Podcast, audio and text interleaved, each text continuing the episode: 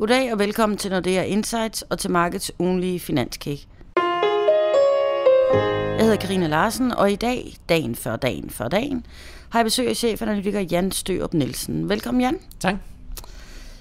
Med to dage til jul, har du fået styr på julegaverne? Ah, hvis det ikke helt. Nå, så har du da lidt travlt, har du det? det må man sige. Nå, men har du så lidt bedre styr på de finansielle markeder og øh, udviklingen her den forgangne uge? Yeah. Det skal vi snakke lidt om, og så også, hvad vi har i vente. Så mener når du har været de vigtigste begivenheder her i ugen op til jul? Jamen, hvis, hvis vi kigger ligesom på det, så... Øhm så har der jo ikke rigtig, i den her uge, vi har været igennem, har der jo ikke været så mange nøgletal, der sådan for alvor har bevæget markederne. Og det har også betydet, at vi har sådan set lidt sidelænsbevægelse på det finansielle marked. Hvis vi tager de amerikanske aktiemarkeder, som jo øh, ellers tidligere virkelig har vist kraftige stigninger, jamen så er det sådan lidt fladet ud øh, herover, den, herover den sidste uges tid, øh, og det gælder sådan set også på det danske aktiemarked. Så sådan lidt, lidt sidelæns bevægelse, øh, hvor jeg i hvert fald tolker det meget som om, at markederne ligesom tager en pust oven på de, øh, på de kraftige stigninger, vi har set tidligere. Øh, og det, helt tilbage, det stammer jo helt tilbage fra efter Trump blev valgt, hvor vi så den her stigende optimisme. Og det er ligesom om, at nu, nu har markederne tilpasset sig den nye virkelighed, og nu øh, er man ligesom mere eller mindre på plads til at gå ind i, ind i 2017. Okay, så der har ikke været noget konkret?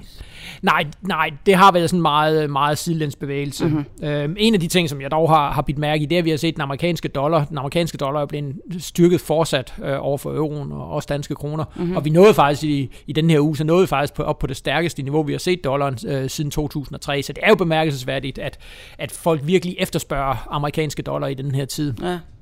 Men er det så godt eller skidt, at dollaren den er, den er spurgt sådan afsted, eller hvad, hvem påvirker det mest, kan man sige? Jamen, hvis vi lige tager her hjemme først, jamen altså for de danske virksomheder, så er det jo en rigtig god nyhed, fordi det gør vores eksport i USA øh, det bliver, vores varer bliver simpelthen billigere. Øh, for eksempel medicinalindustrien, som jo er virkelig stor i USA, jamen de får, deres varer bliver relativt billigere øh, på det amerikanske marked. Så for, da, for danske eksportvirksomheder, så er det en rigtig god nyhed, at, at dollaren er så stærk.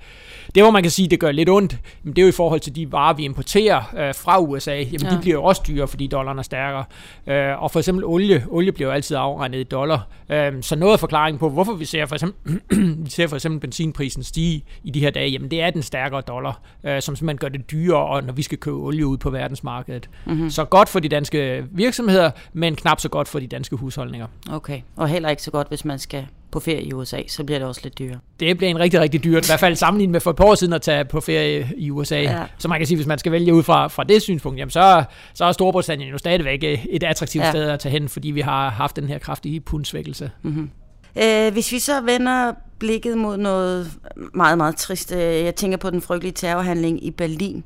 Øh, har det givet nogen udslag på finansmarkedet, eller hvordan har det? Nej, det, det har det faktisk ikke. Øh, og man kan sige, det er jo sådan lidt paradoxalt af, af så stor en begivenhed. Øh, overhovedet ikke påvirker de finansielle markeder, mm. men altså, vi kan ikke se det. Vi kan ikke se det hverken på, på de tyske markeder, på, på nogle aktiemarkeder. Der, der er simpelthen ikke nogen reaktioner. Og det er lidt fordi, at de markederne simpelthen er blevet immun over for de her, for de her terroranslag. Mm. Øh, vi så det jo også med Paris, hvordan det heller ikke rigtig påvirkede markederne. Øh, så man må bare sige, på de finansielle markeder, jamen der er det, Uh, uanset hvor trist det er, jamen så er det sådan lidt blevet en, en hverdagsbegivenhed, at man, uh, det er ikke noget, som ligesom rykker på, uh, på forventningerne eller, ja. eller måden, som man priser på de finansielle markeder. Uh, det, er det er ikke noget, der sætter alt i stå og som man måske kunne have forventet år tilbage. Nej, nej, så, slet ja, ikke. Altså, ja. vi så jo for eksempel, hvis vi bare spoler tiden helt tilbage til, til 11. september, mm. øh, jamen der så vi jo virkelig en kraftig markedsreaktion. Øh, men vi må også sige, der er jo også sket meget siden den, siden den gang, og, og jamen et eller andet sted, så, så de finansielle markeder reagerer altså ikke rigtigt på, på de her terrorhandlinger. Mm. Øh, det gør de altså ikke mere. Nej. Øh, og man kan sige, at et eller andet sted er det jo, er det jo et eller andet sted paradoxalt, fordi man kan jo sagtens argumentere for, at man, man faktisk burde se en reaktion på de finansielle markeder. Altså med det, vi har set i Tyskland, det vi har set i Frankrig, jamen med de terroranslag, jamen så er det jo noget af det, som kan, kan gøre det vans- rigtig vanskeligt i Europa på den politiske front at få noget, øh, få noget samhørighed. Der er jo nogen, som, eller man kan argumentere for at sige, at med de terrorhandlinger, med flygtningestrøm, alle de her ting, mm. jamen så den radikalisering øh, at på den politiske front, der sker, jamen det gør det rigtig, rigtig svært at, at samarbejde på tværs af, på, på tværs af de europæiske lande, og i sidste ende, jamen, så er det også noget af det, som kan påvirke væksten, måske endda euroen i, i sidste, sidste instans. Mm. Men jeg tror bare, der er for mange visser til, at de finansielle markeder ligesom reagerer på de her enkeltstående ja. begivenheder, selvom de på lidt længere sigt jo faktisk kan få en, øh, en rigtig stor økonomisk effekt. Mm. Ja. Vi må se ad. Øhm, stadigvæk i denne her uge, så har der også været fokus på Rigsbanken.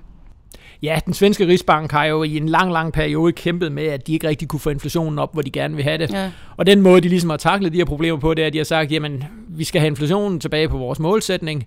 Det vil sige, når, og når vi ikke har den, jamen, så bliver vi jo bare nødt til at sætte renten ned og ned og ned, og vi bliver nødt til at gå ud og købe en masse obligationer, for simpelthen at prøve at, at, at, at få inflationen derop, hvor vi gerne vil have det.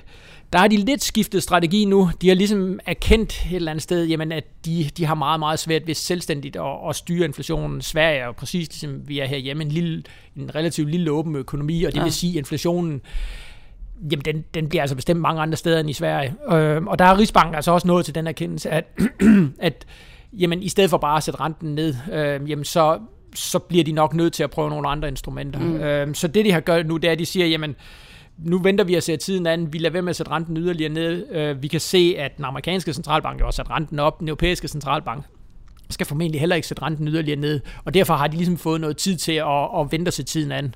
Fordi det, der er udfordringen for dem, det er jo selvfølgelig, at hver eneste gang, de sætter renten ned, jamen så er de jo med, i princippet med til at kaste yderligere øh, bål på, eller yderligere brænde på det bål, øh, der er omkring boligmarkedet, hvor boligpriserne ja. er steget rigtig, rigtig kraftigt. Mm. Så de risikerer jo, at, at det ender i en overophedningssituation, og måske endda også ender med, at en boligboble, der brister på et tidspunkt i svensk mm. økonomi. Øh.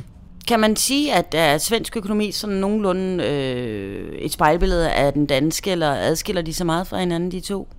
Det er i hvert fald ved at blive et spejlbillede nu. Okay. I, en, I en periode har svensk økonomi jo væksten været, været højere i Sverige, end den har været øh, her hjemme i Danmark. Men der er det altså ligesom om, at det er ved at, ved at udligne sig selv, hvor væksten i svensk økonomi stille og roligt er på vej nedad, jamen så er den jo på vej opad i Danmark. Og lige nu, der ligner det faktisk i 2017, at vi får mere eller mindre den samme vækst, som, øh, som de har fået i Sverige.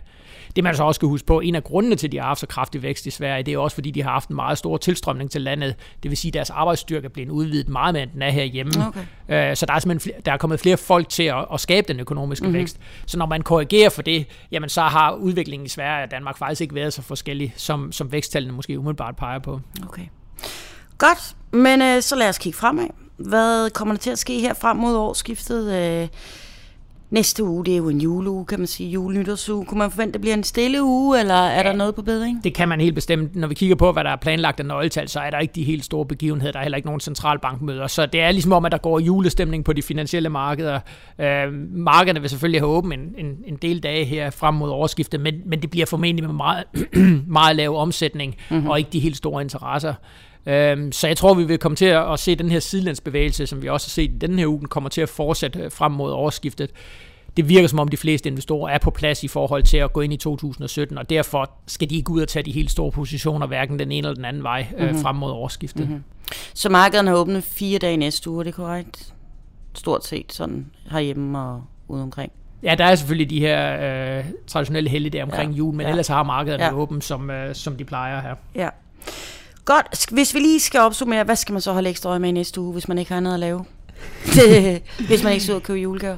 Jamen, man skal, selvfølgelig, man, man skal selvfølgelig kigge på de finansielle markeder og ligesom se, om, om om den her sidelandsbevægelse, om den fortsætter, eller om der kommer noget, en, og jeg tror, hvis der skal komme noget, der skal, der skal sådan for alvor rykke markedet, så skal det være på den politiske front, at der kan komme noget fra, øh, fra den ene eller den anden fløj. Vi har stadigvæk øh, omkring den italienske banksektor, hvor der ligger noget og ulver. Mm. Øh, der kan også komme noget fra USA i forhold til Trump. Øh, det kan også komme ind og, og påvirke de finansielle ja. markeder. Så det er mere de her, øh, de her politiske begivenheder, der, der ligesom kan rykke på det, øh, mm. hvor man kan sige, rent økonomisk, jamen der, der er markederne gået på juleferie. Godt, vi forventer at se. Tak skal du have, Jan, og så rigtig glædelig jul til dig. Og rigtig glædelig jul til alle lytterne, og tak fordi I lyttede med. Det håber vi også, at I gør i næste uge, hvor vi sender en nytårspodcast, hvor vi tager et kort tilbageblik på 2016 og ser på, hvad 17 kunne tænke sig at byde på, øh, med fokus på oplagte og potentielle markedstrigger, som investorerne bør være ops på. Du kan i mellemtiden holde dig opdateret ved at gå ind på emarketsnordea.com, hvor du kan finde al vores research, og så kan du høre eller genhøre vores podcast på insightsnordeamarkets.com eller via iTunes. Og så kan du som altid også besøge os på LinkedIn og følge vores analytikere som Jan på iTunes og Twitter. Tak for denne gang og på genhør i næste uge, og herfra ønsker vi jer alle en rigtig glædelig jul.